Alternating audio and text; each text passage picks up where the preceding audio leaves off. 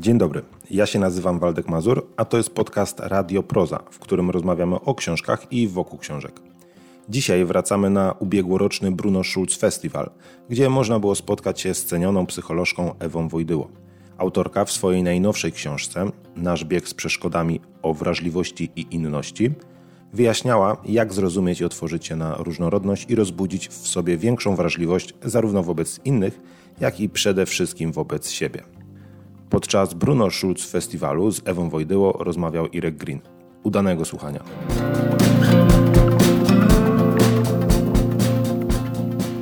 Dobry wieczór Państwu. Drugi dzień brunoschulz.festiwal. Drugie spotkanie. A naszą gościnią jest dzisiaj osoba, która potrafi w tym samym budynku w ciągu czterech godzin zapełnić wszystkie sale. Ewa Wojdyło. Dobry wieczór.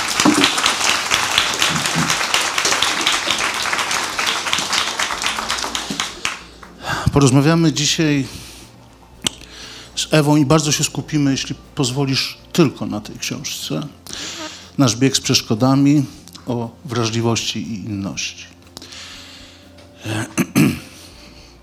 Ja zdecydowałem się poprowadzić to spotkanie, y, bo normalnie bym się nie odważył, ale zdecydowałem się zrobić to po spotkaniu, którego wysłuchałem e, na Górach Literatury. E, bo uświadomiłem sobie nagle, że ta książka wymaga, proszę odebrać, że ta książka wymaga mm, e, pomyślenia o niej również jako samej książce. Nie, nie, nie, tylko o rzeczach, o których mówisz i nie tylko o tym, co jest, co jest jej treścią, ale o, o, o samej tejże, o formie, w, w, jak, w jaką ubrałaś tę opowieść. I pierwsze pytanie będzie z tych najgorszych z możliwych. Co to jest za forma? Ta książka, co to jest za sposób, nomen omen, zważywszy na to, o czym ona jest, rozmowy z czytelnikami? Więc z jednej, z jednej strony to jest rozmowa. Ja tak piszę. Ja się spotykam z ludźmi i czasami wyprzedzam spotkanie, siadając do komputera. I w innych książkach też podobnie podchodzę. Spotkanie często yy, dyktują moi rozmówcy. Częściej bywają to kobiety, więc moje rozmówczynie. Dlaczego? Ponieważ pytają albo zwierzają się. W tym sensie ta rozmowa wtedy ma charakter no, jakiejś takiej opieki, troski, niepokoju, podzielenia z kimś jego czy jej spraw. W tej książce przyjęłam postawę rozmowy, ale nie z kimś, kto do mnie przychodzi, tylko ja przychodzę. I to ja wchodzę z rozmową do różnych, jak gdyby, bohaterów, z którymi ten temat podejmuję. I to bardzo często jest ukryte, dlatego że ja mówię, co ja myślę, ja mówię, czego ja doświadczam, albo o czym wiem, że doświadczają inni ludzie, ale to też ja mówię, nie oni. I tym sposobem nadaję tej książce charakter yy, pewnie takiego nie literackiego, tylko psychologicznego eseju. Ponieważ to są moje myśli. Ja tam sięgam po yy, czyjeś wypowiedzi. Ja również sięgam do czyichś doświadczeń, które znam z gabinetu, z lektur, z doświadczeń osobistych. Ale ja tutaj nie zajmuję się tym, żeby ludzie inaczej myśleli. Co normalnie w mojej praktyce często ma miejsce. Ja tak jak gdyby naprowadzam, ponieważ życia cudzego nie mogę zmienić. Natomiast mogę, y, próbuję inspirować, jak to zrobić, żebyś ty zmienił. Albo żeby ktoś, kto jest niezadowolony ze swojego życia, a do mnie nikt nie przychodzi, żeby powiedzieć, och, Pani Ewo, jak jestem Pani wdzięczna, że Pani miała dla mnie czas, bo ja chcę Pani opowiedzieć, jak mi się cudownie żyje. No, to się nie zdarza. Więc w tym sensie ja jestem, ja mam wprawę, ja, ja, ja umiem y, rozbrajać takie właśnie czyjeś problemy. Natomiast tutaj to są moje problemy. To jest coś, co ja y, tak jakby uzbierałam i postanowiłam tym razem, ale też nie położyłam się na kozetce. Ja nie rozpaczam, ja nie, y, nie wyrażam jakiejś beznadziei, wręcz przeciwnie. Ja sama sobie tutaj pomagam do niektórych tematów podejść w taki sposób, żeby nie tyle problem rozkminiać, jak mówi mój wnuk, tylko żeby szukać rozwiązań, żeby szukać sposobów zrozumienia czegoś, a już jak ten poziom osiągnę, no to wtedy ewentualnie zmiany, która będzie miała charakter pozytywny. Chciałbym, żebyście Państwo dobrze zapamiętali ten, ten, to słowo esej. Dlatego, że to jest stosunkowo nieczęste w praktyce terapeutycznej, aby posługiwać się tym gatunkiem literackim, który w jednym ze swoich głównych założeń ma zapisaną indywidualność wypowiedzi i osobność stylu, prawda? Czyli ten moment, czyli Ewa Wojtyło wybiera do rozmowy z nami y, tę najbardziej pojemną i szlachetną formę literacką, która mówi opowiem wam o sobie, a jeśli znajdziecie tam część, część siebie, to znaczy, że zgadłam, że trafiłam, że jestem, że jestem mm, e, na właściwym tropie. Z, zróbmy małe interludium, bo w, w, tej książce to pada wprost. Y, przed chwilą wpadło, padło z ust y, Ewy. Ja proszę wszystkich mężczyzn o podniesienie ręki. No nie jest najgorzej. Przebijasz ten mur i nie jest, y, nie jest najgorzej. Powiedziałeś o, o tym, że to jest Twoja opowieść, w jakimś sensie jakaś Twoja terapia też pewnie. Ale równocześnie, jeśli się mylę, możesz na mnie nakrzyczeć, ale to jest też opowieść o współczesnej Polsce. Ba bardzo dosłowna miejscami, prawda? Dlaczego współczesna Polska? Przypominam Państwu, że jest 100 godzin do wyborów. Dlaczego współczesna Polska tak często w tej książce staje się egzemplum dla rzeczy najtrudniejszych, o których chcesz mówić? Dlaczego właśnie, dlaczego właśnie ta Polska? Dlatego, że mnie to boli. Dlatego, że ja właśnie bardzo żyję w Polsce i mam jestem otwarta. No, nie, czasami nawet przestaję się dziwić, bo coś zaczynam rozumieć. Na przykład zrozumiałam bardzo dobrze jakiś czas temu, co się dzieje z tymi, którzy e, no nie, nie denerwuje ich na przykład żelazny mur czy płot wokół Sejmu, albo nie denerwują ich metody e, informowania o wydarzeniach takie, które są z góry dla mnie wykluczone, ponieważ. Wejdę ci w słowo. Więcej, ty przeprowadziłaś absolutnie mistrzowską na dwie i pół strony analizę sytuacji mordercy mm, prezydenta Adamowicza. Y, nawet y, robiąc to w rozdziale o przebaczeniu.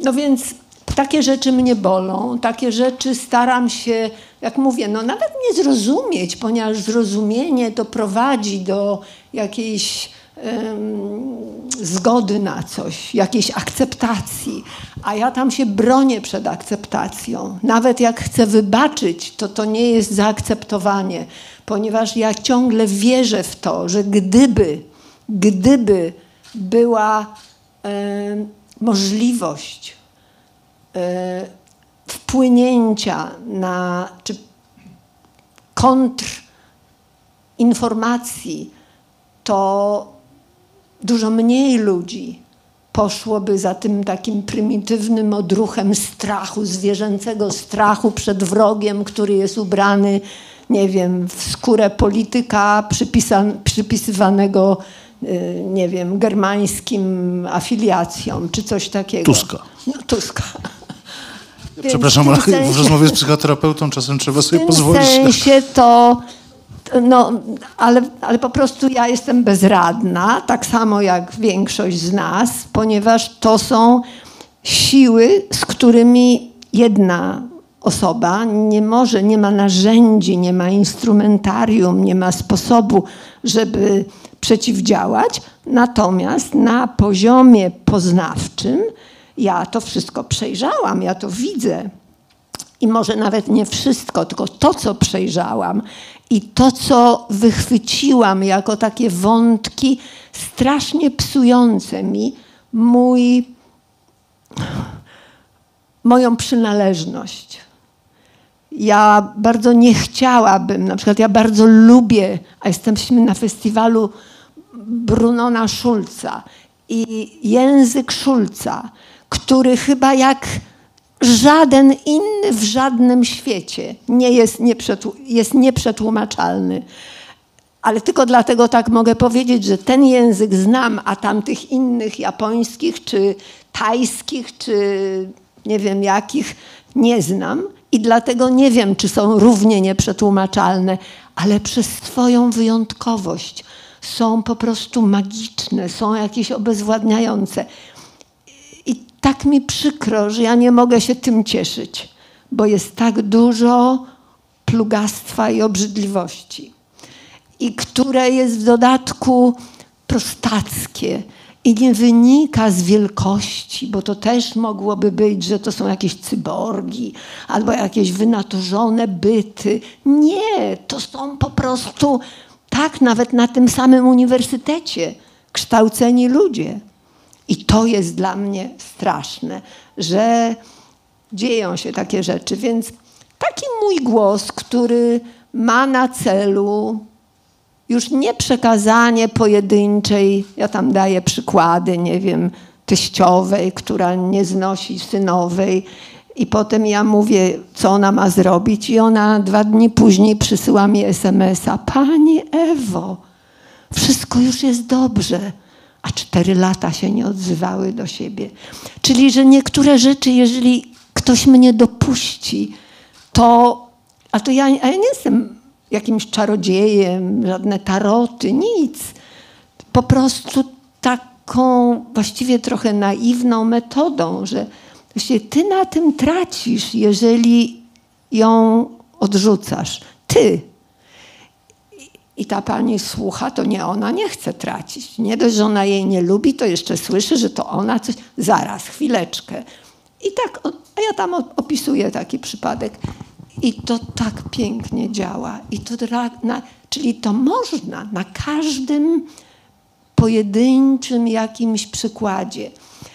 No, oczywiście to nie jest żadna encyklopedia stosunków społecznych, ani jakiejś naprawy Rzeczypospolitej, ale, ale ja podpowiadam sobie, jak patrzeć na niektóre rzeczy. Budzę nadzieję w sobie. Jak napisałam rozdział o mężczyznach, to myślisz, że ja taka byłam od razu, mój mąż nie żyje, a on był zawsze pierwszym czytelnikiem i to naprawdę działało fenomenalnie na moje książki. No a tutaj nie mam go nawet, więc myślę sobie, co ja mam zrobić? I rozesłałam po różnych osobach. I nagle dostaję taki feedback, którym daj spokój, ale to super, no popatrz. I w ogóle udało ci się bez jakiejś złości. Ja mówię, no już po mnie, jak ja miałam trzech mężów i jeszcze pewnie jakbym tylko miała kandydata, to kto wie. Ale ja bym miała Panowie? mieć złość. Panie. Ja bym miała mieć złość, więc w tym sensie to ja bardzo nie chciałam, żeby to była taka mm, surowa, jędzowata krytyka, która może dlatego, że mm, nie lubię skojarzenia e, krytyki z wiekiem. Ja mam 84 lata. Jak ją pisałam, to miałam 83 jeszcze. Więc i tak sporo. I sobie myślę, no jeżeli ja polecę w, taki, w taką tonację beserwisizmu albo jakiejś, jakiejś takiej odgórnej opiniotwórczości, to ja sobie zaszkodzę. Bo dla bardzo wielu osób będzie to coś takiego, no pewnie, nie, to ona to już wszystko wie. Więc mam nadzieję, że to tego się tak nie czyta. Tak, tutaj nie ma grama. Jeszcze trochę, na dobre położymy kres patriarchalnemu folwarkowi, w którym kobiety traktowane są jak wieloczynnościowe kombajny bez części zamiennych z dożywotną gwarancją. Pozdrawiamy polityków Konfederacji.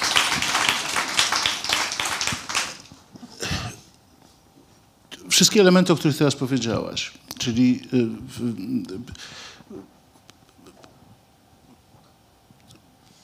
co było mi dobrze słyszeć, dlatego że one potwierdziły moją intuicję. Problem, e, Polska, przykład, reakcja, rozwiązanie. W najkrótszym, e, e, w największym skrócie. One będą wracać w naszej rozmowie, bo teraz, teraz bym wrócił do tego, czym ta książka nie jest, jak mówisz, a, a dla mnie w pewnym sensie jest. I chciałbym, chciałbym to chciałbym się zetrzeć z tym. Podtytuł tej książki, Nasz bieg z przeszkodami, to jest o wrażliwości i inności. I teraz, jako człowiek, który zawodowo żyje z języka, odnoszę nieodparte wrażenie, że bardzo wiele definicji, które podajesz e, w tej książce, trochę mimochodem, trochę posługując się no, olbrzymią erudycją, e, mam też pełną świadomość, że świadomie i że, i że to jest w pewnym sensie zabieg terapeutyczny. E, bardzo wiele z tych definicji w przestrzeni komunikacji kolokwialnej przyjmuje dzisiaj zupełnie niewyobrażalne formy. To znaczy, my, już tak bardzo nie panujemy nad językiem i nad tym, co chcemy sobie nawzajem powiedzieć, że ja bym cię chciał zapytać o parę rzeczy tak, w taki sposób, żebyśmy sobie, żebyśmy sobie zrobili katalog, jakiś rodzaj encyklopedii, aby w późniejszej części rozmowy, żebyśmy dobrze rozumieli, e, tak, co, co, co chcemy e, sobie powiedzieć. Więc najtrudniejsza to będzie inność, ale ją sobie zostawmy e, na koniec. Teraz bym zapytał o neuroróżnorodność. Słyszę te Słyszę to słowo odmieniane przez e, wszystkie możliwe. E, słyszę to słowo w obronie, w usprawiedliwieniu, w, w rozwiązaniu. Zawsze oczywiście z jakimś elementem wyparcia, to nie ja przecież. Czym jest, Twoim zdaniem, neuroróżnorodność, jeżeli będziemy na nią patrzeć y, w, w, w, tym, w tym połączeniu z innością. Bardzo dziękuję, bo nie, nie, sposób o tej książce mówić, nie mając tego wątku, nie uwzględniając tego wątku. Neuroróżnorodność to jest termin, który porządkuje dotychczasowe nasze dociekania, poszukiwania, a nawet znajdowania e, międzyludzkich różnic, e, zwłaszcza w, o typologii behawioralnej. Ktoś się tak zachowuje, a ktoś inaczej. Ktoś się czegoś boi, ktoś nawet tam, gdzie nie ma czegoś, zaczyna to widzieć. Czyli i to była domena psychiatrii. Dzisiaj natomiast My już wiemy, że... Związana z tą, z tą, z tą dychotomią normalność-nienormalność, prawda? Otóż to. Dzisiaj neuroróżnorodność otwiera przed nami nowy zupełnie sezam. To jest w ogóle takie drzwi do czegoś, w czym byliśmy, a nie wiedzieliśmy, że jesteśmy. I interpretowaliśmy bardzo wiele zjawisk w postaci osób, ludzi, grup. Myśmy to określali i było to coś obcego. Dzisiaj nagle dzięki no po prostu nauka doszła, osiągnęła taki poziom i to nauka sama może nie chciała bardzo dawno, już Leonardo da Vinci bardzo chciał to badać, bo już robił sekcję zwłok i mózgi preparował, ale wtedy daleko było do posiadania narzędzi. Otóż te narzędzia pojawiły się, no ja wiem, 30 lat temu, 20, kiedy zaczęto próbować na żywym mózgu każdego z nas, kogokolwiek, obserwować, co się dzieje, gdy człowiek się boi. Który ośrodek, jak nie mówi, to który ośrodek. Zaczęto mapować mózg. A teraz jeszcze bardziej zbadaliśmy to, że nasz mózg może ewoluować za życia. I tak też się dzieje. To każdy wie. Jak był na przykład miał 14 lat, to lubił tańczyć, a teraz jak ma 30 lat czy 48, to już tańczyć nie lubi, tylko łowić ryby albo odwrotnie. Czyli i te, my to teraz wiemy, że człowiek nie powstaje jako jakiś byt skończony, tylko powstaje jako byt zmienny. I neuroróżnorodność jest tym wytrychem, który tym kluczem, który otwiera wszystkie nasze ludzkie doświadczenia. I od tego momentu można, ja tu zresztą taką propozycję składam w książce, a sama się zaczęłam do niej stosować już, zamiast używać tradycyjnego podziału na ludzi normalnych i nienormalnych, czy to kolokwialnie, czy w ścisłym rozumieniu diagnostyki psychiatrycznej. I okazało się, że jest możliwość.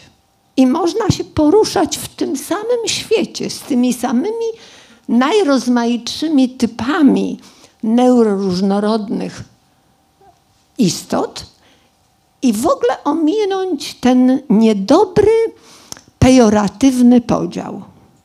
I ja mówię, i nawet zrobiłam sobie test, jest w internecie na autyzm na przykład. I na tym, w tym teście na 50 pytań ja miałam 5 twierdzących odpowiedzi, a moja najmłodsza córka ma 22 punkty.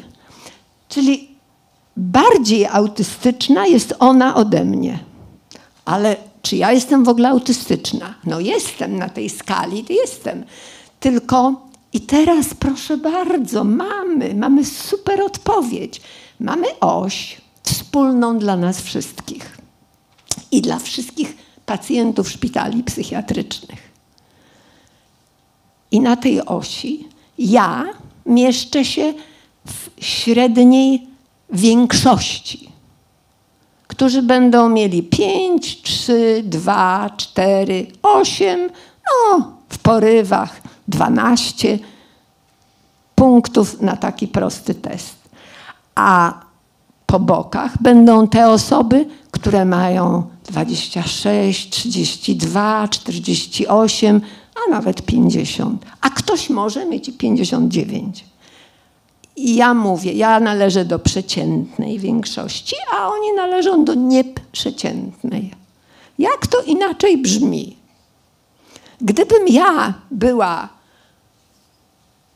zaklasyfikowana przez pedagoga szkolnego do nauczania specjalnego, ponieważ mam ADHD albo ponieważ jest, jestem w spektrum autyzmu, czy mam początki, czy jakieś tam ślady Aspergera. I mojej mamie by powiedziano, proszę oddać to dziecko do szkoły specjalnej, bo ono się nie nadaje do szkoły normalnej. To byłoby to z wielką stratą wszystkim dla mnie. Ale teraz już wiemy, i tu biznes nam przyszedł w sukurs, bo biznes pierwszy się połapał. I to szczególny biznes.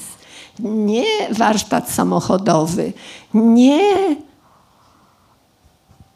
praca pielęgniarek, nie szkoła z nauczycielami, tylko jakieś niebywale wyrafinowane, najnowsze branże cyfrowe. Ponieważ niektóre w szczególności, a do innych rzeczy będą inne, ale na razie ten jeden spenetrowano obszar, że osoby autystyczne, które mają diagnozę psychiatryczną spektrum autyzmu, i ja znam dobrze przypadki, więc wiem, że to są osoby, które nie mogą żyć w otwartym społeczeństwie, które nie jest odpowiednio przygotowane. Bo na przykład zapalenie jarzeniówki byłoby dla nich poza możliwością e, wytrzymania. Ja nawet daję przykład z mojej własnej rodziny. Ja nie mogłam pójść z moim z mężem do galerii handlowej. Nie mówiąc o tym, że na najcudowniejszym koncercie, który zresztą opisuję tutaj, czy wspominam, e, Gotan Project w sali kongresowej, on po prostu oszalał, zwariował, wiem, uciekł z sali, ponieważ było trochę świateł stroboskopowych. Czy tam jakiś jeszcze jeden czynnik. Czyli nagle okazało się dla mnie samej, jak ja zaczęłam zgłębiać ten temat, jak ja zaczęłam się uczyć, przeczytałam te książki, które tu cytuję, mam je na półce. Bo proszę Państwa, jakie to jest niesamowite zjawisko. My jesteśmy takim dziwnym jakimś miejscem na tym globie, że jeszcze parę miesięcy temu ktoś tam próbował wystawiać tabliczki strefa wolna od LGBT, a wszystkie książki, najnowsze, które się ukazują na temat takich tematów jak neuroróżnorodność, o której tu myśliciel, filozof, wydawca, księgarz, pisarz, dramaturg mówi, że pierwszy raz słyszy, co to w ogóle jest. Czyli w takim miejscu wychodzą książki z całego świata, z Kalifornii, z Tel Awiwu, z Paryża na temat neuroróżnorodności. Tam jest to nowość totalna. A u nas to stoi na półkach i nawet specjalnie jakoś nikt się nie garnie, żeby to czytać. W tym sensie to my jesteśmy przedziwnym zlepkiem erudycji jakiegoś, a nie może to snobizm? Nie, no nie, to chyba to nawet nie, nie zahacza o to, ale my lubimy wszystko, co najnowsze i nam się to podoba. I my to chłoniemy, i my to przyciągamy. I jakiś się znajdzie wydawca, który wydaje książkę, której no po prostu mainstream nie kupi. Ale to nic nie szkodzi. Ja kupiłam. Kupiłam i tu cytuję. Bo to jest coś takiego, co jest w ogóle dziedziną przyszłości. To jest coś takiego, co kiedyś będziemy spokojnie przy herbacie, przy śniadaniu przyjmować jako naturalną rzecz, że naszemu najmłodszemu synkowi na przykład nie możemy w pokoju zainstalować jaskrawego koloru, bo on źle się z tym czuje. I to nie będzie dziwne, i nikt go nie wyśle do szkoły specjalnej. I największym rewolucyjnym punktem w tej sprawie, z którym ja sama mam pewien, no nie mam problemu, ale taką obawę, to jest to, że tak jak wiele osób mówi, aha, to my już to rozumiemy, my wiemy, my rozpoznajemy, będą osoby, to tak, my nie będziemy ich wysyłać do szpitali psychiatrycznych czy do jakichś szkół specjalnych, ale ale one będą się musiały dostosować do tych warunków, w których zechcą funkcjonować. Otóż cała wiedza o tej inności i neuroróżnorodności i tej nadmiernej wrażliwości, ona prowadzi do zupełnie innej, odwrotnej konkluzji. To tak przedtem myśleliśmy, że jak chcesz, wprawdzie jesteś trochę inny, to się musisz nauczyć naszych reguł. A dzisiaj mamy taką propozycję, i ja mam też taką propozycję, że to my, którym jest tak łatwo, bo my nie mamy biegu z przeszkodami. My jesteśmy na tartanie i mamy świetne buty do biegania. I my możemy dostosować się. I teraz, ponieważ nie będzie, użyję takiego kolokwializmu brzydkiego, ale on jest ostry i dosadny, nie będzie nagonki. Wobec tego ci, którzy są odmienni, inni, neuroatypowi, mają delikatniejszy system nerwowy, nie są przyzwyczajeni do ostrych bodźców albo do pewnych bodźców, co w dodatku nie wszyscy do jednakowych, ponieważ my nie będziemy ich odrzucać, to oni nie będą wystraszeni. A w systemie nerwowym działa taki mechanizm, jak osobnik nie jest wystraszony, to jest łagodny. A jak jest wystraszony, to staje się agresywny. Jak czuje zagrożenie, to odruchowo ma ochotę co zrobić? Bronić się. A obrona bądź ucieczka jest zawsze aktem protestu. I co się stanie, jak my zaczniemy mówić, dobra, tobie jest trudno w tych warunkach, ale to my te warunki dostosujemy do ciebie, bo dla nas to jest wszystko jedno, czy będzie jarzeniówka, czy będzie się tam inny jakiś nośnik światła dostarczał światło. Natomiast my ciebie przyjmujemy i nagle się okazuje, że to działa, że ludzie o deficytach, tak to nazywano, deficytach rozwojowych, o anomaliach psychiatrycznych, te osoby nagle przestają się bać, bo my ich nie zwalczamy, my ich nie negujemy. I ich system nerwowy zaczyna się przekształcać, łagodzić te ostre krawędzie.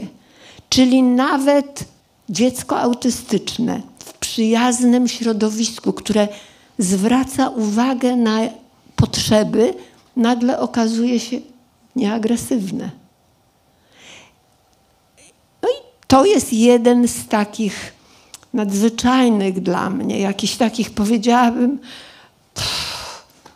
żeby Ewangelia miała z psychologią jakiś związek, ale no w tej sferze zaczyna mieć. Tu byłbym ostrożny e, z, z, z punktu widzenia e, nie tekstu Ewangelii, tylko komentarzy do Ewangelii. Można, można się e, zdziwić. To, co mówisz, co zanotowałem, taką refleksję, że wiesz, to jest rewolucja kulturowa, bo ona zakłada odwróconą asymilację. Tak? Czyli wiesz, odwrócenie asymilacji to jest coś, co pewnie gdyby było mm, jakąś powszechną e, ideą i było rozważane przez ostatnie 200 lat, być może nie doprowadziłoby do masy e, najgorszych zbrodni, e, prawda? Ta, przepraszam, ta odwrócona asymilacja jest niezwykle, niezwykle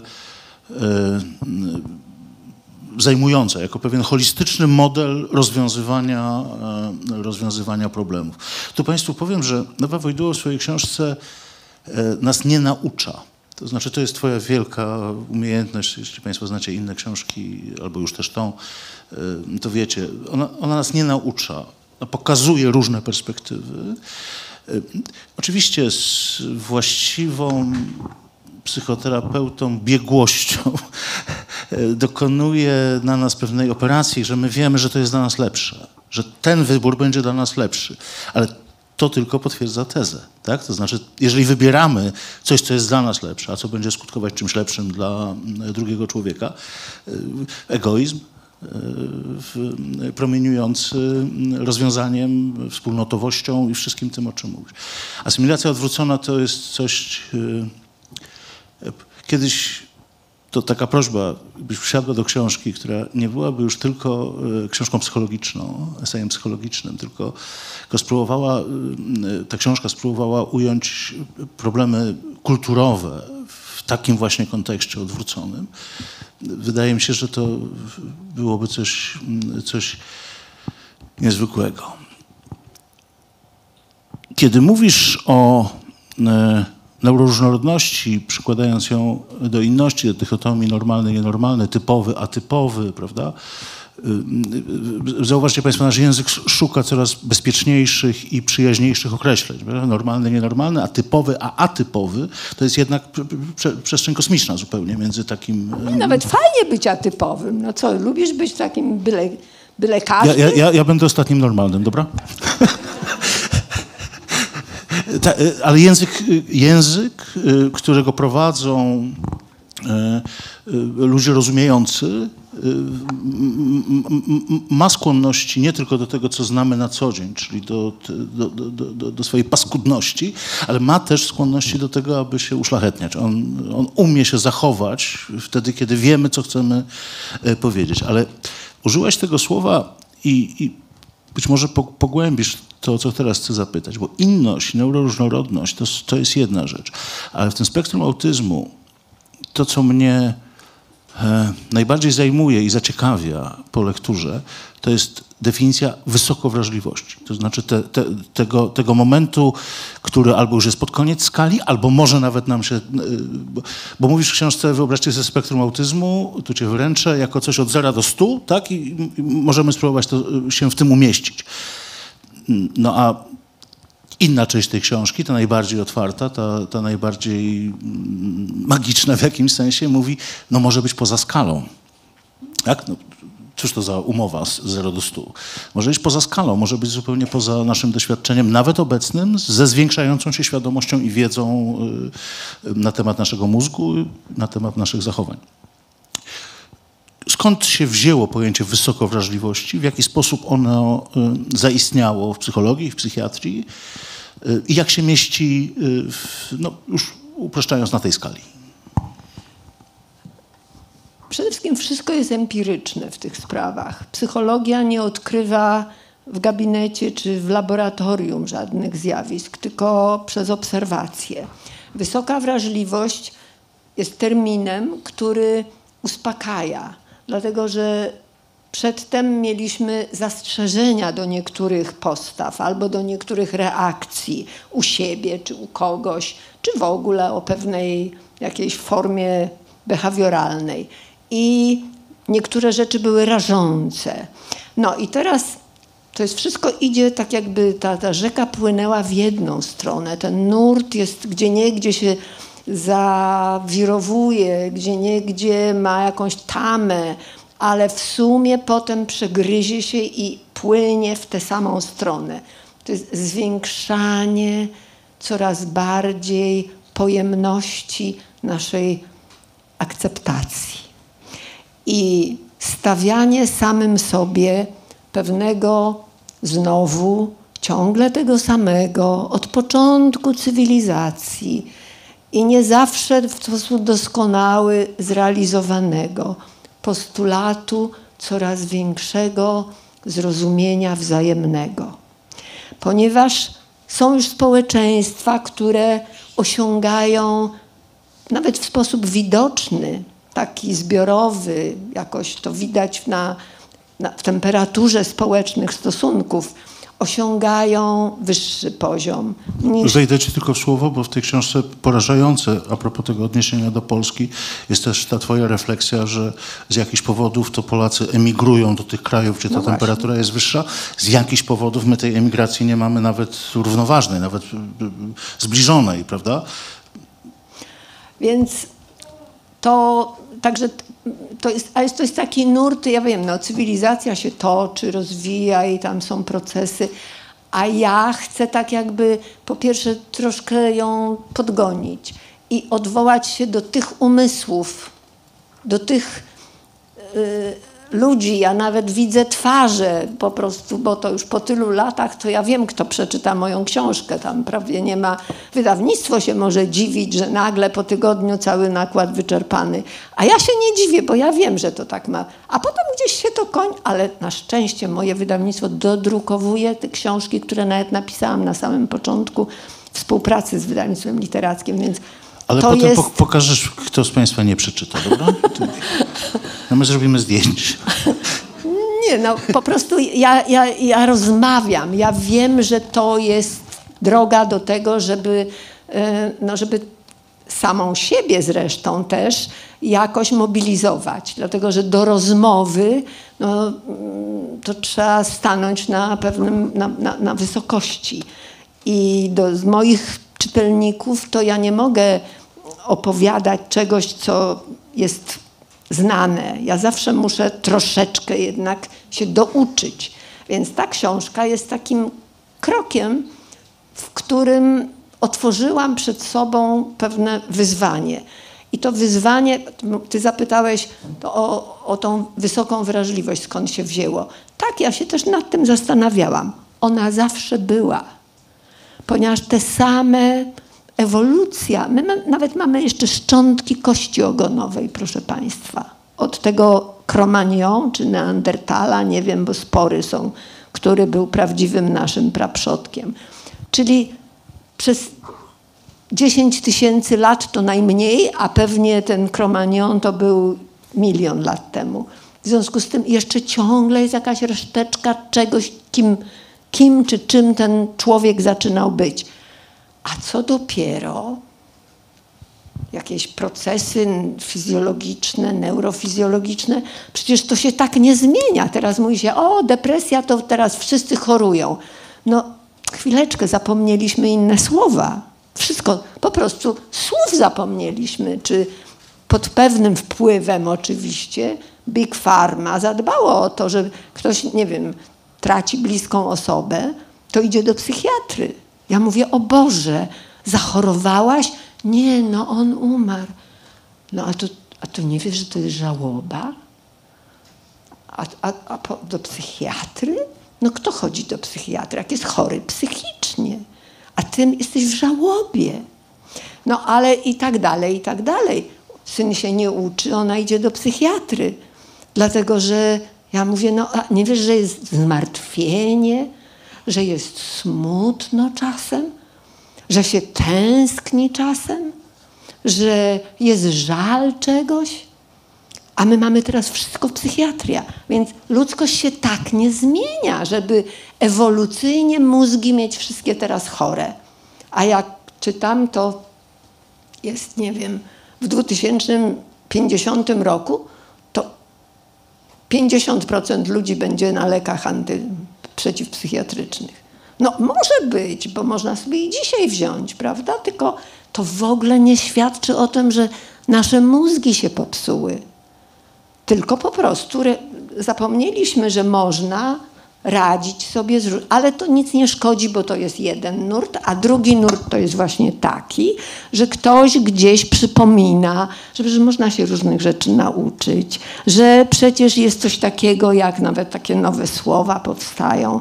Ja to kiedyś w jakiejś książce nazwałam sprężystość emocjonalna, a teraz nazywa się to rezyliencja. Czyli jak wszyscy wzmocnimy rezyliencję, a rezyliencja to jest takie pojęcie też jak stres z mechaniki, tylko tam to dotyczy wytrzymałości materiałów, stres, a rezyliencja dotyczy, e, jak weźmiemy dwie piłki i z tej samej wysokości opuścimy, to jedna piłka odbije się wysoko, a druga piłka klapnie. To dużą rezyliencję ma ta, co się odbiła wysoko. No i ktoś mówi, no właśnie, wysoko wrażliwe osoby to są takie, które mają niską rezyliencję, czyli pod wpływem różnych bodźców gwałtownych na przykład, czy ostrych, czy nieoczekiwanych, czy nieprzewidzianych, czy nieprzyzwyczajonych, no mogą być różne odcienie i odmiany, będą te osoby reagować w sposób bardzo gwałtowny. I ta gwałtowność, no to później właśnie wchodzimy w spektrum autyzmu, bo to tam się to dzieje. I yy, można powiedzieć, no tak, no ktoś taki już jest, A ja na to mówię zaraz, chwileczkę.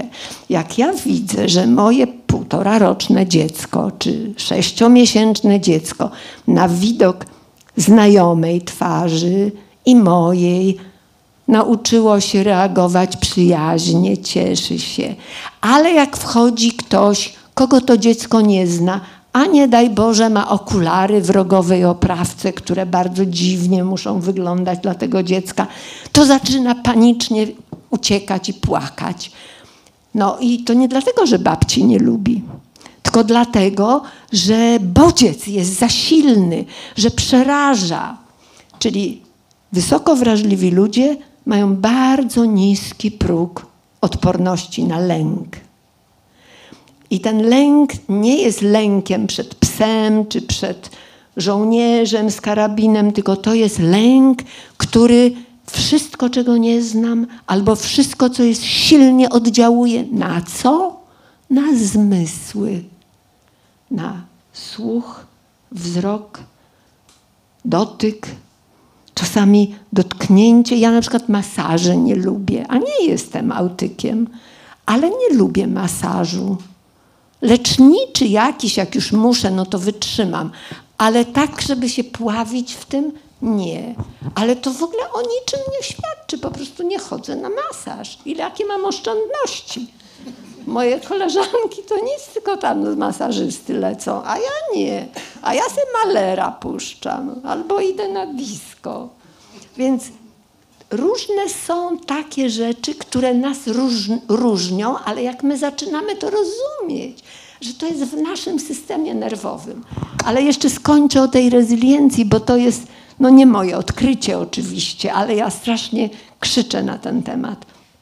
Jak ja zauważę, że mam oto dziecko, które jest no właśnie takie strasznie nieodporne i wszystkiego się boi i nie, nie podejdzie do pani, żeby o coś zapytać. To co ja mogę zrobić? No tak, mogę posłać do szkoły specjalnej, bo żadna normalna nie weźmie. Ale mogę. I to jest fantastyczna wiedza już. Ja mogę temu dziecku pomóc wzmocnić swój system nerwowy.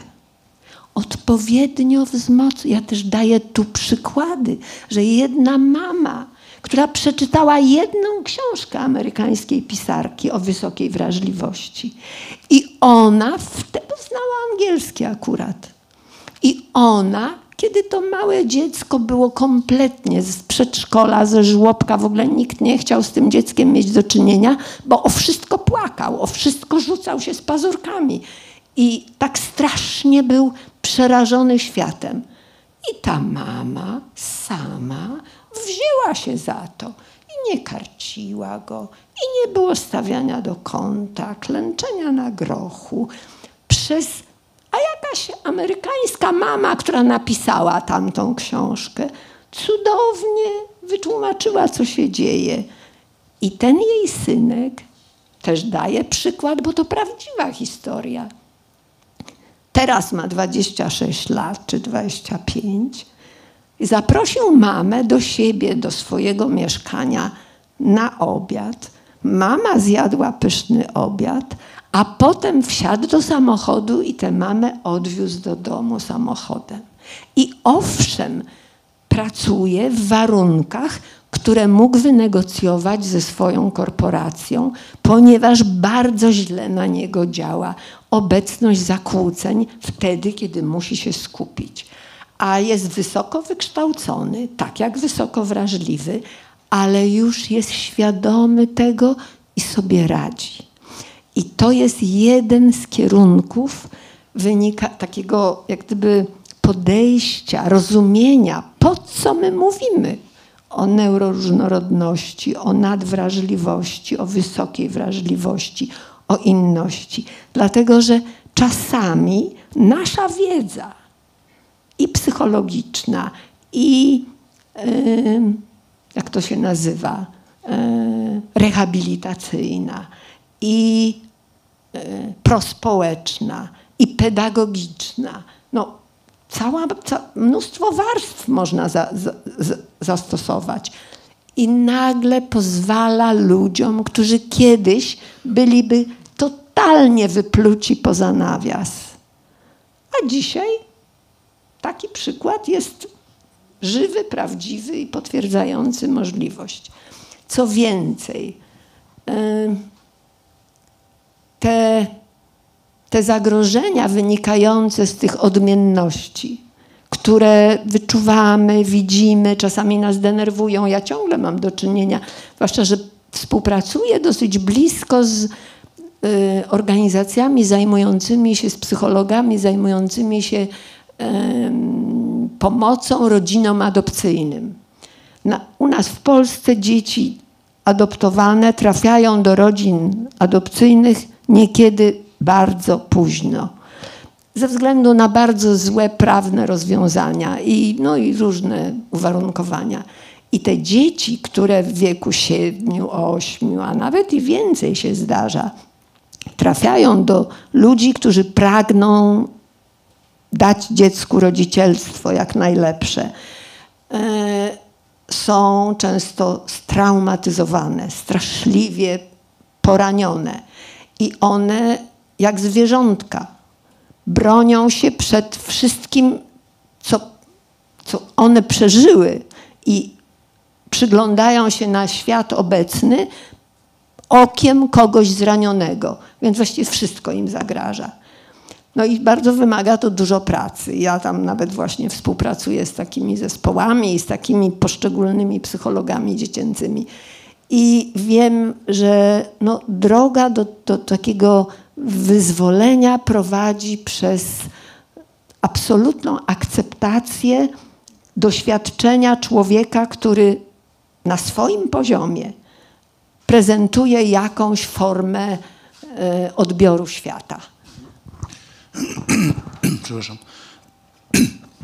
Za chwilę Państwu oddam głos, bo Państwo na to pewnie bardzo czekacie. Muszę zadać jeszcze jedno pytanie. Doszliśmy w ogóle do połowy książki, jeśli chodzi o te powolne elementy, które Ewa przed nami odsłania w poszczególnych rozdziałach, które się na końcu jakoś mm, dziwnie z sobą wiążą i, i, i działają jako, jako całość. Zanim zadam to pytanie, to tylko anegdota jeśli chodzi o reakcję dzieci mm, i, i, i sytuację, z której wyszły, y, taka trochę rozróżniająca po tym, co powiedziała Ewa, dotyczy mojej córki, którą skądinąd znasz, która najbardziej lubi cytować y, taki fragment Mikołajka, kiedy bardzo jest na nas zła, jest już studentką, to mówi, że mm, pamiętajcie, ja zarobię dużo pieniędzy, przyjadę, a ludzie będą mówić, patrzcie, to jest ta dziewczynka, która zabiera swoich rodziców do kina, mimo że byli dla niego tak niedobrzy.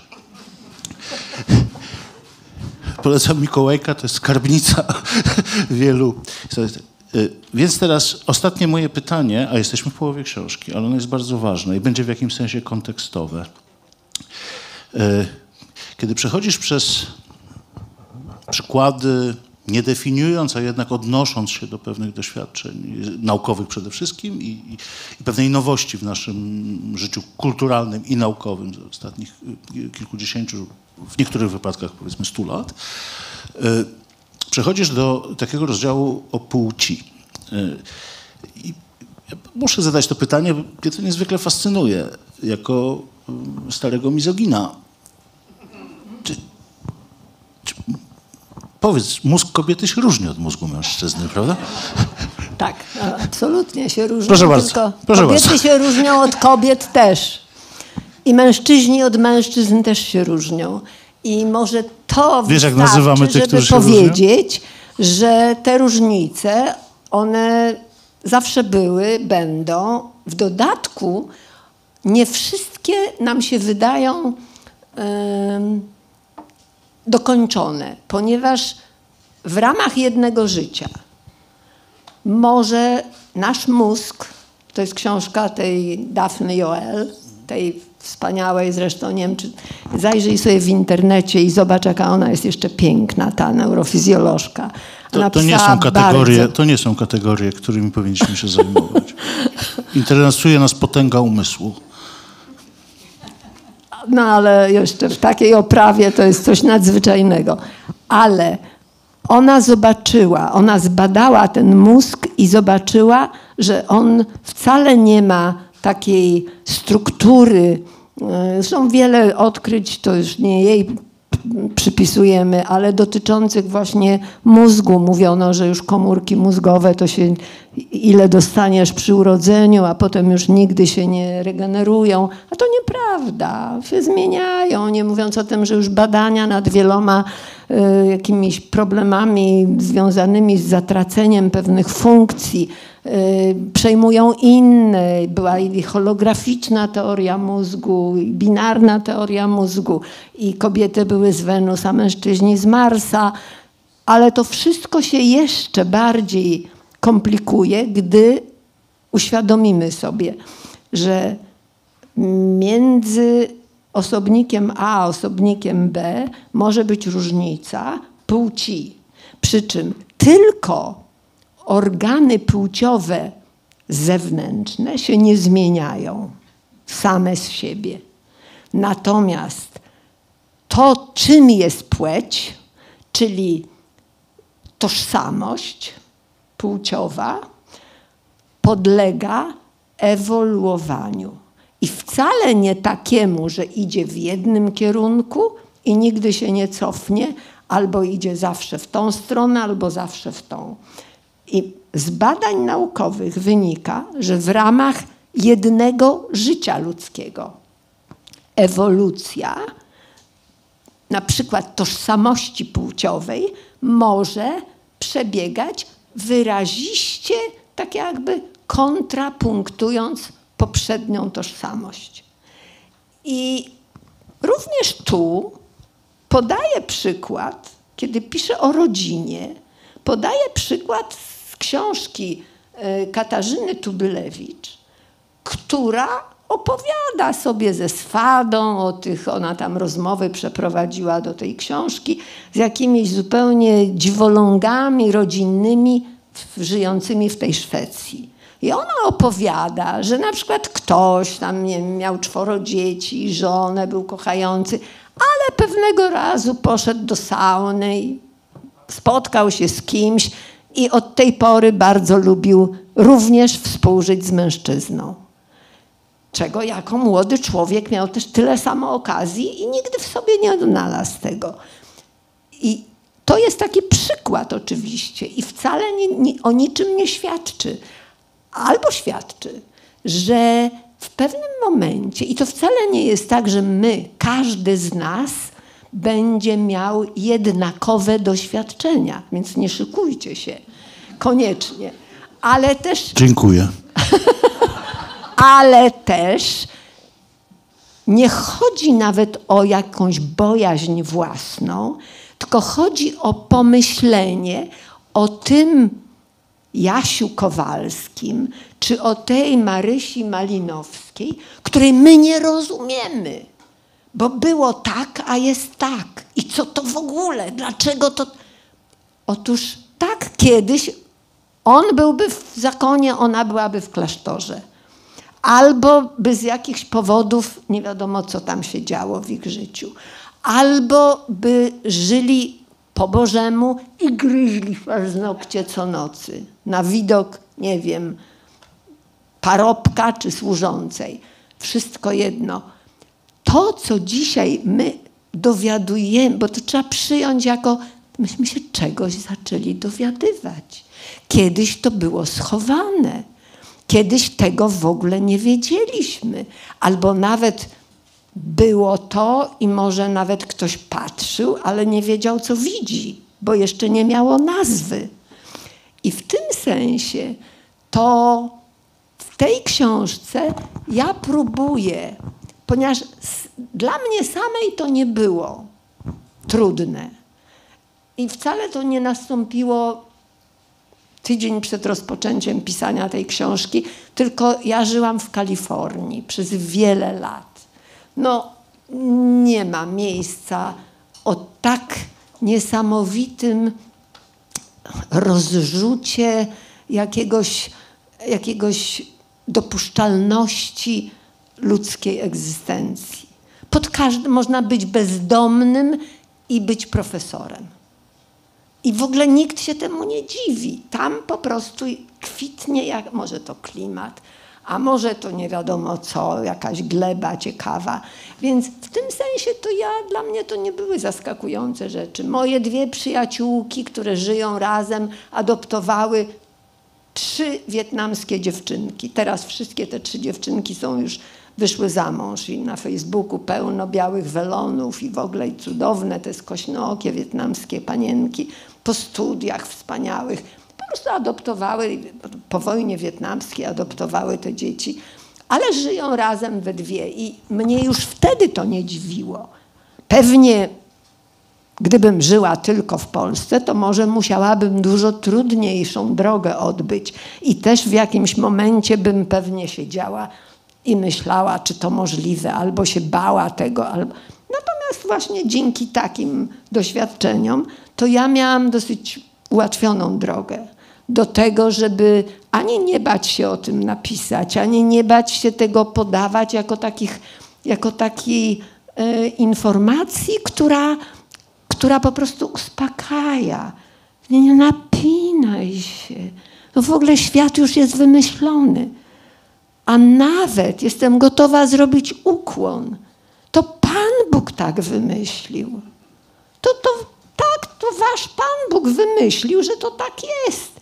I w ogóle nikomu nic do tego. Natomiast pismo, ta Biblia sama kiedyś przy innej okazji, bardzo zresztą ważnej, przekonałam się, że to pismo to jest po prostu, co ten tłumacz miał na myśli, to nikt nie wie. I to jest tak napisane, że katastrofa. Nie można właściwie żadnej treści wydobyć wprost, tylko trzeba głowić się, myśl. Więc podejrzewam, że to jest w ogóle jakieś szalbierstwo z wieloma rzeczami.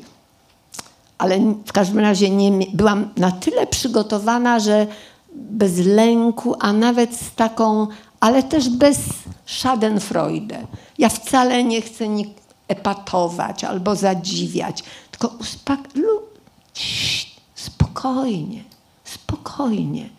To nie jest nic, nic, co, co może kogokolwiek skrzywdzić. To nie jest nic, co kogokolwiek może skrzywdzić. Jak będzie następny jakiś tam kolejny rzut do druk tej książki, to ja uzupełnię w jednym miejscu, bo niestety po oddaniu już do druku przeczytałam książkę Ewy Sapierzyńskiej pod tytułem Nie jestem twoim Polakiem.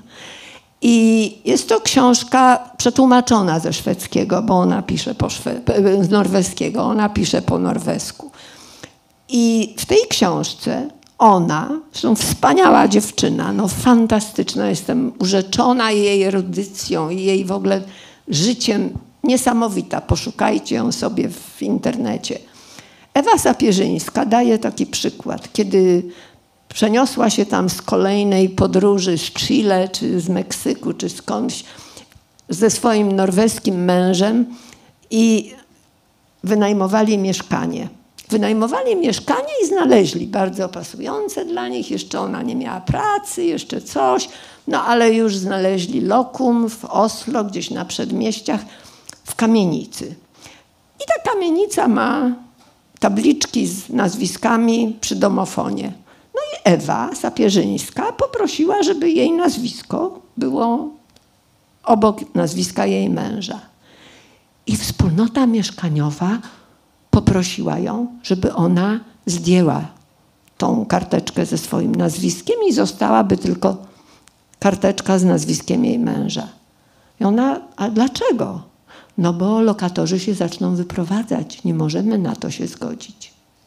I ja strasznie żałowałam, że ja tego przykładu nie mogę tutaj, nie mogłam umieścić, bo to jest to, co Polacy robią na przykład Romom, albo co Polacy robią Wietnamczykom, co Polacy robią, wszystko jedno, w różny symboliczny czy dosłowny sposób, że e, Łukasz Pilip, z którym rozmawiałam w czasie e, festiwalu Góry Literatury, on opowiadał sam, a to jest kędzierzawy, czarnowłosy, młody, taki bardzo śniady, miły, piękny, młody mężczyzna.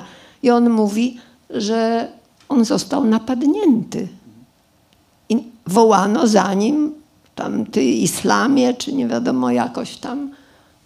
Niektórzy też dokuczają mu, ty Żydzie. Więc w tym sensie to tak mi brakowało tamtego przykładu tutaj, ale ja go umieszczę. Bo Ewa Sapierzyńska pisze, że być Polakiem w Norwegii to strasznie jest trudne, ponieważ Norwegowie się przekonali, że Polacy obniżają poziom ich społecznych wartości. Pomyślcie, co za, co za niesprawiedliwość. My tak strasznie siebie wysoko cenimy. Uważamy się za alfę i omegę. A w jakimś kraju, a tam największa mniejszość to są Polacy w Norwegii. Zresztą największa mniejszość Polacy stanowią w Islandii. Największą mniejszość Polacy stanowią też w Szwecji. A dzisiaj słyszałam e, ministra Rau, który mówi, że największa mniejszość europejska, nie hinduska, tylko europejska w Anglii to są Polacy. On to mówił z dumą i mówił, że jest czterdzieści kilka punktów wyborczych. Ale przecież to smutne, że ta Polska jest tak drenowana. Więc, a na dodatek, że gdzieś jest jakieś społeczeństwo, które nie toleruje Polaków. I jak się muszą wtedy no, jakoś tak łatwo zobaczyć, a my też kogoś nie lubimy. I to miłe, i to, to po prostu strasznie jest przykre. Więc no, to jeszcze jest taka, w tym sensie to, to są takie moje polityczne takie westchnienia, żeby nie powiedzieć jęki.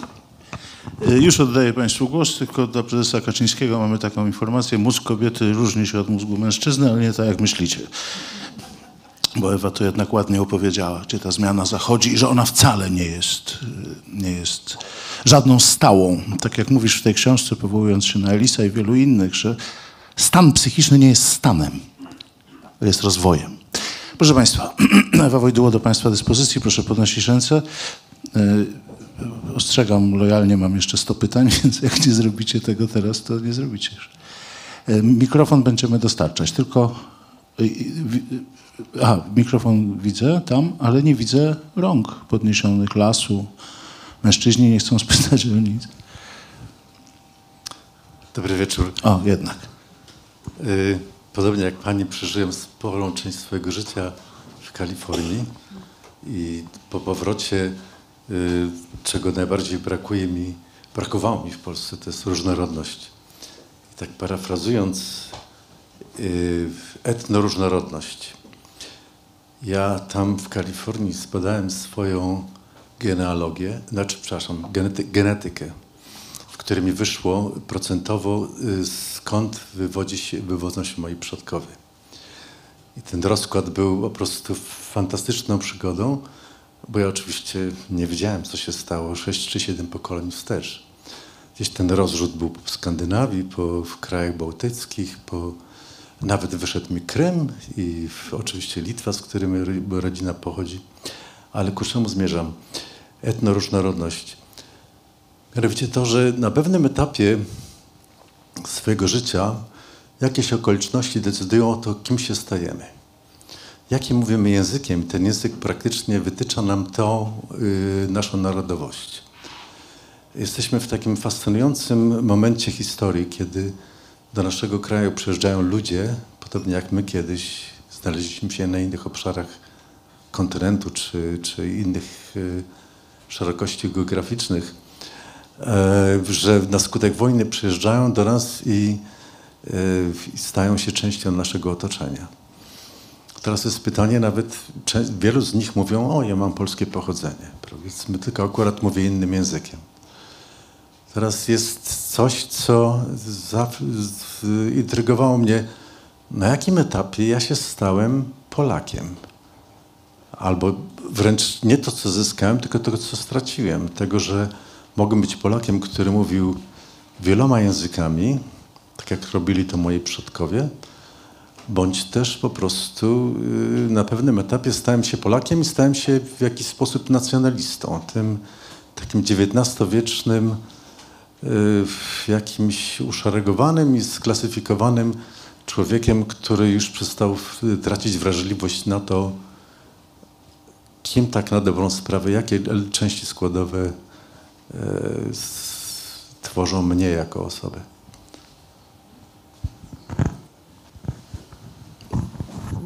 Możesz odpowiedzieć, nie wiem. No, Są, Trudno- są, dwie, trudno są dwie rzeczy w tej książce, których nie ma. Y, Rzeczywiście nie ma w tej książce kontekstu religijnego w jakimś szczególnym znaczeniu i nie ma w, tym, w tej książce wprost y, kontekstu narodowego, czy też etnoróżno- etnoróżnorodnościowego, o którym mówi. On się przewija, on gdzieś jest w głębi, natomiast jakby nie, nie, pokazujesz go wprost. I w tym sensie ja rozumiem pytanie pana o to, y, wiesz, nie tylko kim jesteśmy, ale też co zrobiła z nami, y, co zrobiło z nami to szybkie przykle- przyklejenie naszej narodowości do naszej państwowości. Więc ja na to bym powiedziała tak, że moje. e, Na szczęście miałam okazję, jeszcze wiele lat pracowałam, e, prowadząc taki międzynarodowy program. e, Głównie pracowałam z lekarzami, psychiatrami, psychologami, więc jakoś tak przez takie troszkę okienka zaglądałam do różnych społeczeństw. E, Do tej pory, zresztą nie wiem, do Hamburga jeżdżę, do Dublina jeżdżę, w tym roku aż dwa razy byłam, więc du dużo mam takiego, teraz dopiero co świeżo z Wilna wróciłam, więc patrzę y, z dużymi, z dużymi takimi em, gdyby przestrzeniami, w których mogę porównywać swoje doświadczenia z Polski z innym doświadczeniem, innym społeczeństwem. I ja zauważyłam taką ciekawą rzecz, i to jest dla mnie właściwie dobra bardzo, ja lubię ją, że coś takiego zauważyłam, że Polacy, którzy żyją w innym społeczeństwie i to tak odmiennym, jak na przykład właśnie irlandzkie, chociaż ono może mieć tam niektóre zbieżne, ale protestanckie Niemcy, czy Gruzja i tam też są Polacy, i Bułgaria, i Ukraina, y, czy Stany Zjednoczone, czy Belgia, i skandynawskie kraje. I nagle widzę, że Polacy tam przez ludzi miejscowych, przez tamtejszych takich obywateli są odbierani, nie, nie, nie nawiązując do przykładu sapieżyńskiej, tego negatywnego, bo on pewnie jest właśnie wyjątkiem jakimś, ale mówią, że Polacy to jest najbardziej pogodny, rozśpiewany naród Gdzie? że Pol, no na przykład Na w. Irlandii albo gdzieś e, mm, Polacy, którzy znaleźli się po wojnie i nie wrócili do Polski gdzieś z Kazachstanu czy z Gruzji. Tam tworzą elitę intelektualną. I to w takim dobrym sensie, kultywującą i katolicyzm polski, taki piękny, taki szalenie rytualny, z mm, przestrzeganiem ceremoniałów, ale dobry, wzajemnie wspierający się, pomagający, będący wzorem dla miejscowych ludzi. Więc w tym sensie to ja myślę, jak się Polacy znajdą w przyjaznym środowisku, w takim, w którym nie będą drapać, walczyć o kawałek chleba, tylko zostaną przyjęci, umocnią się, będą szanowani, akceptowani, to się stają pięknymi ludźmi. Właśnie stają się awangardą tego postępu mm, kulturowego. I w tym sensie to myślę, że to jest moja taka właśnie nadzieja i obserwacja, że dokładnie to samo będzie tu. Tylko szkoda by było, żebyśmy stracili, no nie wiem, jeszcze, jeszcze 100 lat. Ale na pewno to idzie w taką stronę, ponieważ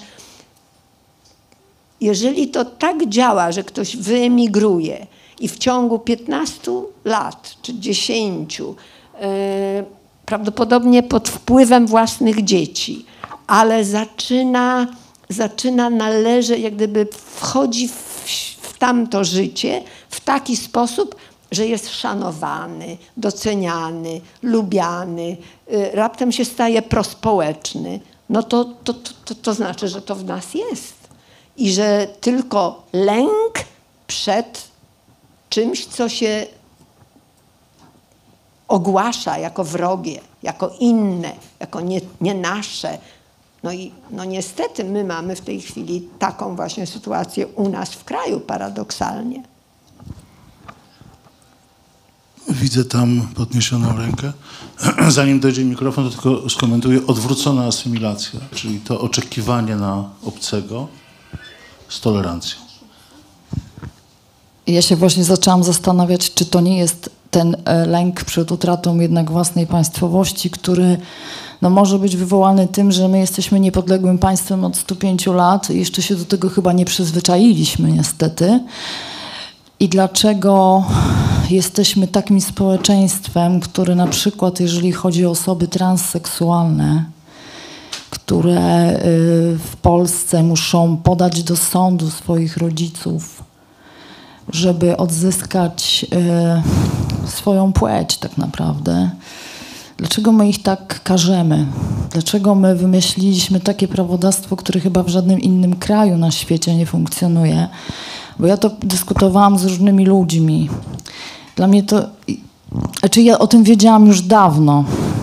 Był taki moment nawet. Ja, ja to mówię z ogromnymi emocjami, ponieważ ja znam takie osoby i wiem, jak one cierpią, jak one są kilkukrotnie y, wiktymizowane i karane za to, że urodziły się nie w swoim ciele, tak? państwo je jeszcze dodatkowo za to karze. Dlaczego my jesteśmy tacy okrutni sami wobec siebie? Ja się cały czas zastanawiam, bo ja przez. Ja, się urodziłam w Polsce, tutaj we Wrocławiu.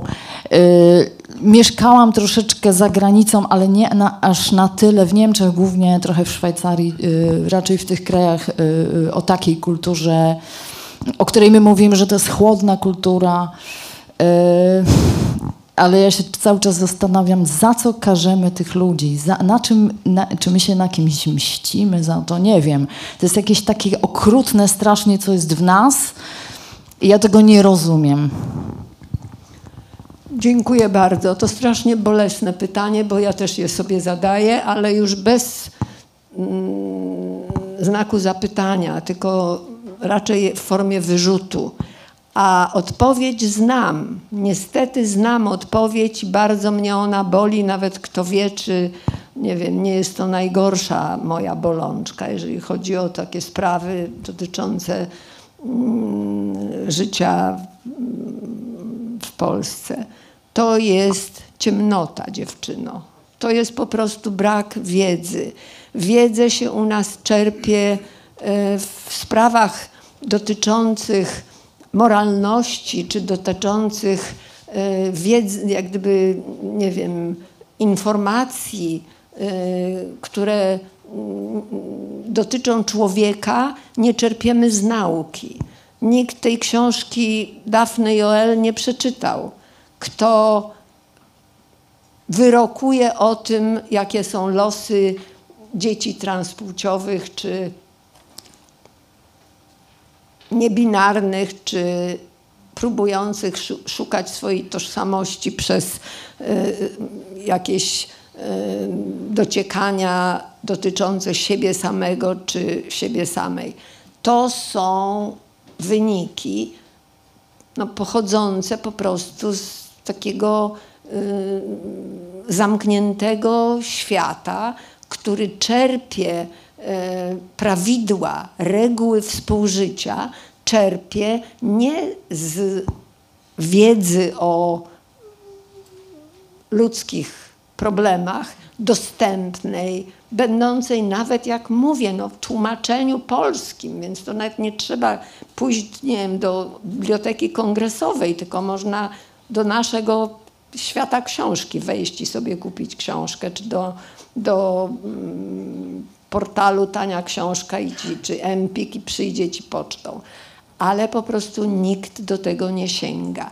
I teraz dlaczego? Dlatego, że mamy, zwłaszcza nasilony ostatnio, ale wcale nie od 2015 roku, tylko od dużo wcześniej, mamy jakąś straszliwą e, potrzebę, czy taki przymus wewnętrzny do bronienia jedynego, najważniejszego autorytetu w dziedzinie układania stosunków społecznych, bardzo szeroko pojętych, bo i rodzinnych, i wychowawczych, i szkolnych, czyli wszystkiego, co dotyczy międzyludzkich relacji, to my układamy to na podstawie, trochę zażartowałam mówiąc, że to Pismo Święte to się nie da czytać, ale my właśnie według jakiegoś kanonu tam w dodatku nie wiadomo, czy tam jest to naprawdę napisane i czy to naprawdę było tam gdzieś w oryginałach, bo jakoś inne społeczeństwa się umieją poruszać w gąszczu tych dziwnych przepisów, a też są chrześcijanami. Więc w tym sensie to my możemy mieć pretensje wyłącznie do siebie, że ta sfera została y, oddana w ręce y, ludzi decydujących o regułach współżycia y, w oparciu o jakąś tradycyjną koncepcję czy konwencję, która pochodzi nie z nauki, tylko pochodzi z przekazu z pokolenia na pokolenie, tak jakbyśmy do tej pory uważali, że jak pioruny strzelają, to Zeus się gniewa, bo ktoś tam nie dał mu daniny z barana czy z czegoś. Więc w tym sensie, no to to jest ta smutna rzeczywistość, że rzeczywiście mamy tu zaległości okropne. Bo innych powodów nie ma, bo Polacy potrafią być w miłości cudowni, w ofiarności wspaniali, potrafią i walczyć z miłości do ojczyzny i do ukochanej i robić, nie wiem, wszystkie szalone, nadzwyczajne wyczyny. Natomiast w tej sprawie, jeżeli chodzi o kogoś, kto kto wyłamuje się, ale też nikogo nie obchodzi cudza płeć, tylko obchodzi czy przestrzega tego zapisu, który powiada, że wszystko się składa z tej binarnej e, reguły podziału. I to jest no, żałosne, bo można po prostu powiedzieć, że to jest krótkowzroczne, że no długo to się nie, nie utrzyma, że już każdy, nie wiem, czternastolatek, który chce, to wejdzie sobie w internecie i poczyta, co się... No i tak się, tylko że nie oni na razie decydują o, o tym, co się dzieje z takimi ludźmi. I pani ma absolutną rację, że to po prostu krwawi serce, jak się patrzy na to, w jaki sposób krzywdzi się i bezcześci w ogóle jakieś prawa człowieka do, do tego, żeby być sobą i żeby reagować na swoje własne potrzeby w sposób godny. No to tylko tyle mogę, mogę po prostu podzielić pa, z panią, pani oburzenie, bo tak, to jeden z powodów, dla których mm, no, ta książka w ogóle przyszła mi do głowy, bo jednym z takich dramatycznych aspektów naszego grzechu e, społecznego, no to jest to, że my krzywdzimy ludzi za niezawinioną, biologiczną e, niedolę, której jeszcze na dodatek nie, nie chcemy uznać. Chcemy uznać to za jakieś grzeszne, zwyrodniałe, y, jak to się nazywa, lewackie, czy już nie wiem, wszystkie możliwe najbrzydsze epitety.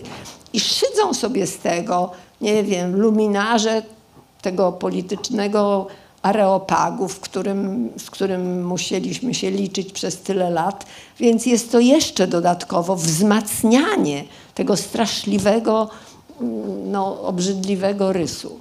Więc w tym sensie to jest tak okropne.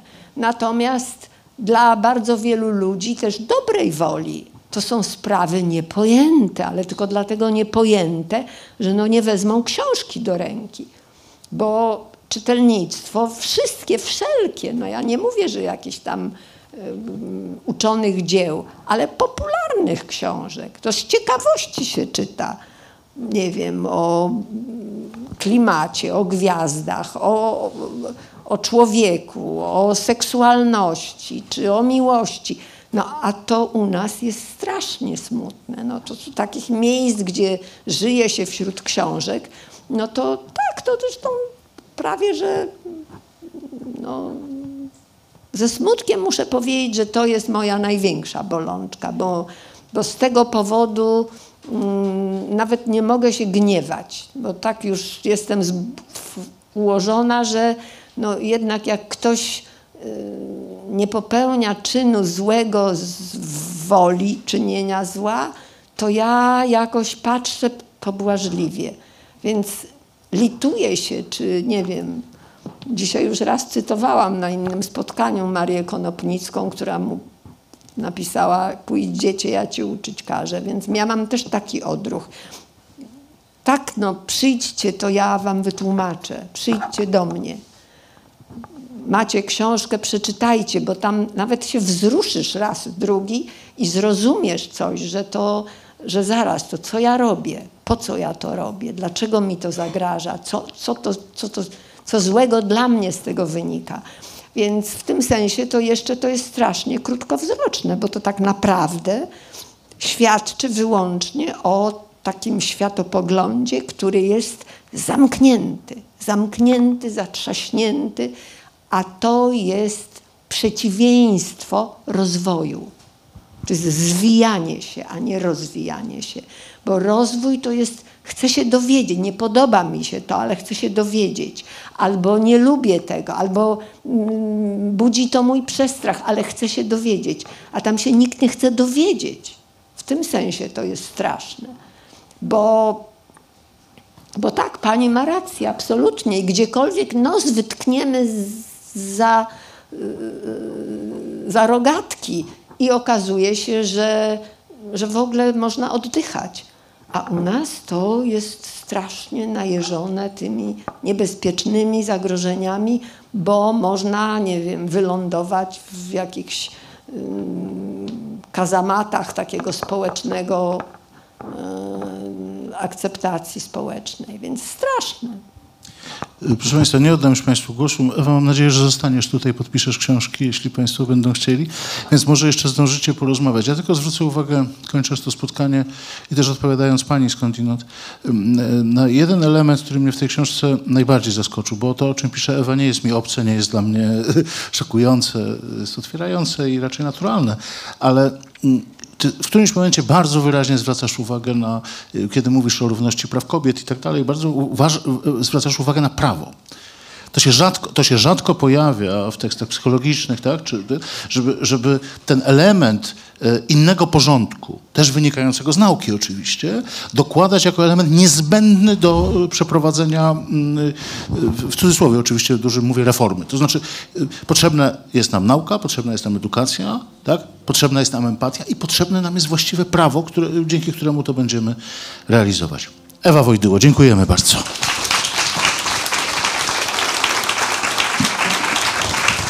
Dziękuję, bardzo dziękuję.